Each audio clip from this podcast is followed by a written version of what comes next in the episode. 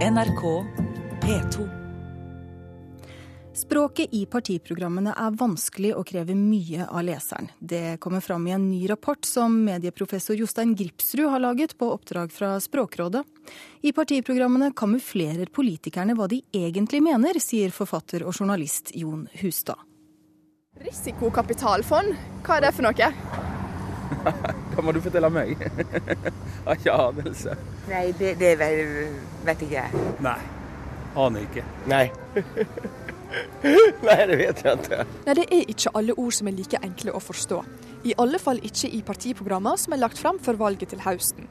I en ny rapport utført på oppdrag fra Språkrådet kommer det fram at språket i de ulike programmene er både stivbeint og abstrakt. Jostein Gripsrud er professor i informasjons- og medievitenskap ved Universitetet i Bergen, og har skrevet rapporten. Gripsrud mener partiet har skrevet programmer delvis uten å ta hensyn til publikum. De tror at De vil gjerne snakke til alle velgere, men samtidig så er det tydelig at programmene primært er skrevet for partienes medlemmer. Både de egne medlemmene og medlemmene i andre partier som skal finne noe å bruke i debatter. Og så er det mat til journalister og kommentatorer. Gripsrud stiller spørsmål ved om programmet har nytte for publikum. Hvis du tenker det er en førstegangsvelger som skal lese gjennom disse tekstene, som til sammen da utgjør noe sånn som 800 sider, hvis du tar med også de grønne og rødt, så er det jo en kjempeoppgave, og jeg tror vedkommende vil være ganske utslått etter å ha brukt sommerferien på det prosjektet. Jon Hustad er forfatter og journalist i avisa Dag og Tid. Tidligere i år fikk han i oppdrag å lese samtlige partiprogram. Under lesinga var det spesielt én ting Hustad la merke til. Sett ut vekk fra det politiske, så var det selvsagt språket. For det politikerne prøver hele tida å kamuflere hva de egentlig mener, for at det ikke skal virke kontroversielt. Og når de ikke vil si hva de mener, så løser språk seg opp i grunnen. Hustad trekker spesielt fram partiprogrammet til Arbeiderpartiet. Og dess mer makt partiene har hatt, dessverre blir det. Det er klart det dårligste programmet språklig sett var Arbeiderpartiet. Det var så utydelig at du måtte nesten lese det som et slags koda språk for et eller annet. For når det kommer til partiprogram, så må en huske at Arbeiderpartiet var flinkere før. Sånn som Arbeiderpartiet har hatt en lang tradisjon for å ha hatt gode og tydelige program. Sånn som Gudmund Hernes har vært inn. Tidligere tider var det selvsagt Håkon Lie.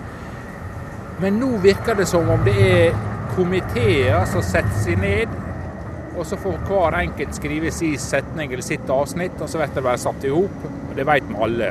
At når grupper skal skrive tekst, så blir det håpløst. Ja, reporter her, det var Camilla Yndestad. Og Eirin Sund, stortingsrepresentant eh, for Arbeiderpartiet. Vi hører her at ditt parti trekkes fram som en av verstingene når det gjelder vanskelig språk i partiprogrammet. Hvem er det dere egentlig skriver disse programmene for? Altså, det er jo bare for å si det først av alt, jeg syns det er viktig, og det syns Arbeiderpartiet, at vi får, altså det er nyttig for oss å få innspill fra Språkrådet. For at vi kan forbedre, og vi kan gjøre ting mer lettlest. Men det er noe med at Partiprogrammet er et spesielt dokument. og Det er, er lagd faktisk av tusenvis av kvinner og menn både i og utenfor partiet. Men det er et dokument der vi skal få alt, sier alt vi skal gjøre på alle områder. og Det er komplisert å få til kanskje godt nok ned på papiret. For vi skal forklare kompliserte samfunnsprosesser, som òg blir beskrevet her. Så det, det er kanskje et dokument som i all hovedsak blir brukt av oss som er tillitsmenn og -kvinner i partiet, i kommune, fylke og storting. Eh, så har vi andre dokument som er mer lettleste og bedre å forstå, kanskje for førstegangsvelgere og andre. Ja, men eh, Partiprogrammet er jo et program for, for velgerne. Har dere gjort en god nok, nok, jobb når programmet oppfattes som kanskje nesten uforståelig? Jeg, jeg, sier at vi tar de innspillene fra Språkrådet, eh, for det skal vi ta på alvor. Men samtidig er det sånn at det er ikke enkelt eh, å alltid forklare kompliserte samfunnsprosesser. Og, og, og, det, og, politikk er heller ikke enkelt, og hverdagen til folk er ikke enkel. Så her er det jo noe med at en ønsker i mest mulig grad å være presis. Og da kan det være at vi kanskje forklarer litt for mye. Men, men for oss er det viktig. Vi har lagd en kortversjon som er faktisk veldig populære.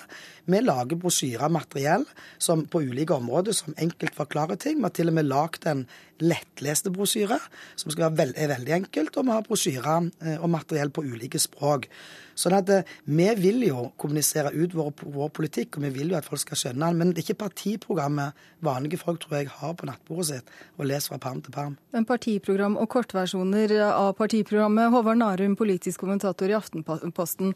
Eh, dette med vanskelige partiprogram det gjelder jo ikke bare Arbeiderpartiet. For denne rapporten det vises til her, den som er utarbeida for Språkrådet, viser at de fleste partiprogrammene er tunge og vanskelige.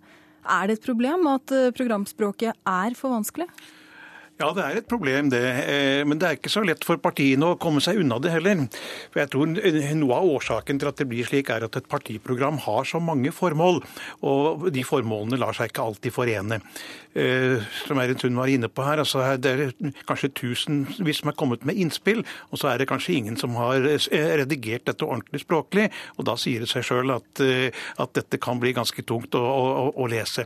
Men et partiprogram skal jo også da være veiledende, eller, eller, til og med bindende for dem som blir valgt. Og da må de ha noe mer detaljerte ting å forholde seg til enn, en det som velgeren eh, trenger egentlig for å ta stilling eh, eh, før et valg.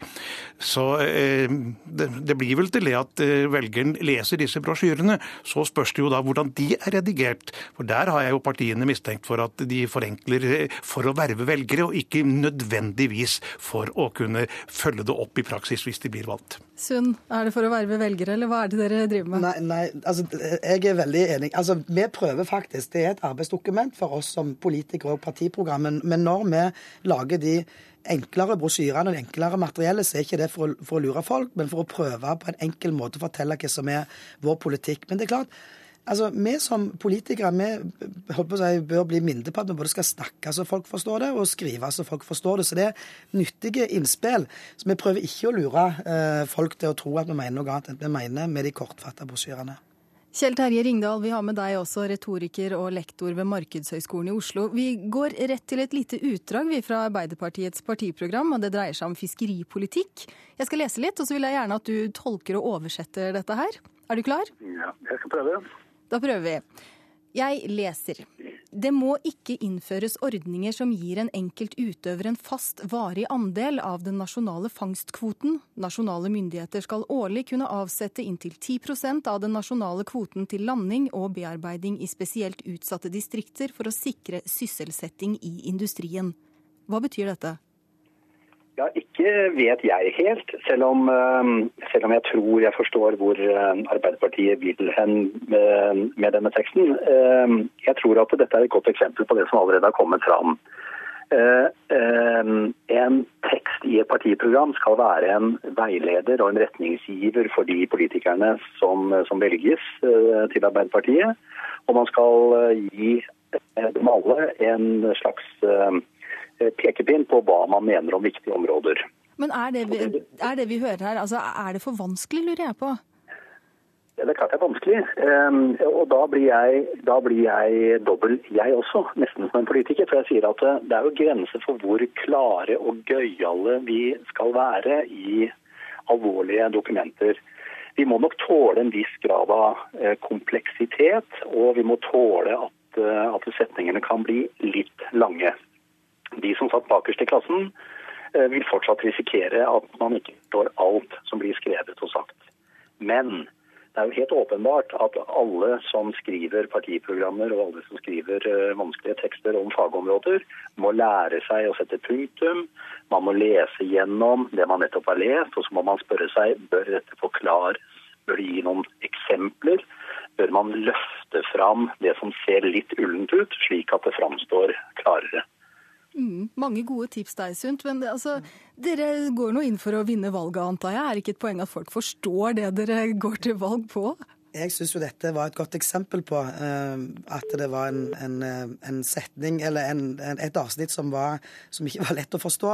Men igjen er det litt sånn at jeg tror at de som jobber i fiskerinæringen, for å si det sånn, og en del av de som bor i distriktene der fiskerien er viktig, det er kanskje noe av den første sida de bladde opp i når, de, når, vårt partiprogram var ferdig.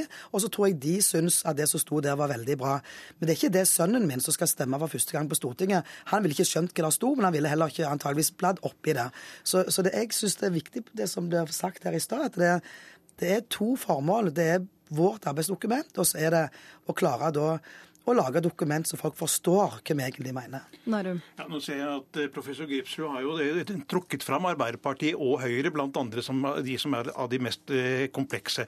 Jeg tror ikke det er tilfeldig. for dette er da partier som har kanskje en mer helhetlig politikk enn de andre. Det er de to partiene som har størst sjanse for å måtte ta ansvar for det de programfester, for å si det på den måten.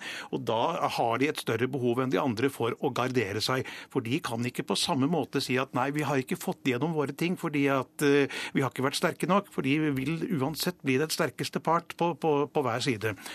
Og da er det jo sånn, og dette var et godt eksempel naturligvis på en sånn sektorpolitikk. Et partiprogram. Det inneholder jo alle mulige sektorer av samfunnet. Og da er det virkelig en utfordring for de som lager programmene å ikke skrive slik at det bare blir forstått av de som jobber eller har næringsvirksomhet i akkurat den sektoren. Vi hørte jo Hustad si i saken her at eh, partiprogrammene var mer forståelige før. Hva med den historiske utviklingen der da? Ja, Det tror jeg han har rett i eh, på mange måter. Og det har litt med profesjonalisering av politikken å gjøre. For i dag har de fleste partiene en stab av unge, dyktige eh, rådgivere og medarbeidere som ofte da formulerer noe utkast til disse programmene. Slik var det jo ikke før. ikke sant? Det var jo eh, toppolitikerne selv som måtte gjøre den jobben. Og de var eh, noe mer erfarne i livet utenfor politikken enn de som er premissleverandører i dag. Og Det kan ha sine fordeler at du får en del fagkunnskap inn på den måten, men ulempen kan bli at det blir litt for virkelighetsfjernt. Men jeg tror at en, en, veldig vesentlig grunn til at partiprogrammene kanskje var, er, mer, altså er, er mer omfattende nå, det er jo også for at samfunnet har jo endra seg i forhold til hvor samfunnet var før. I dag er samfunnet samfunn mye mer holdt på å si, komplekst enn det var før. Vi har mange, Som politikere i dag så må vi forholde oss til mye mer og mange andre ting enn det en slapp kanskje for 50 år siden, for 30 år siden. Så det er litt som jeg starta med å si, vi skal mene noe om alt på alle områder. Det gjorde en ikke før i den grad. En hadde kanskje to eller tre punkter som en var mest opptatt av, og så la han, lot en være og så på en måte mene noe om det andre. Ringdal, kort til slutt. Hva mener du om den historiske utviklingen i partiprogrammenes språk? Eh, det vet jeg ikke nok om, men det jeg kan si er at eh, jeg tror at et godt råd til alle partier er å presentere ideologien, altså det ideologiske fundamentet for hvorfor man tar det ene eller det andre standpunktet. Det å eh, knøke seg sammen inn i midten, alle sammen, gjør at språket blir uklart. Mens eh, hvis man klarer å ideologisere sitt eget språk ved å f.eks. si at fiskeriindustrien utsatte distrikter er viktig å satse på fordi vi ønsker det er en ideologisering av teksten som jeg tror er viktig. Og at man også tør eh, å være ideologiske når man skriver.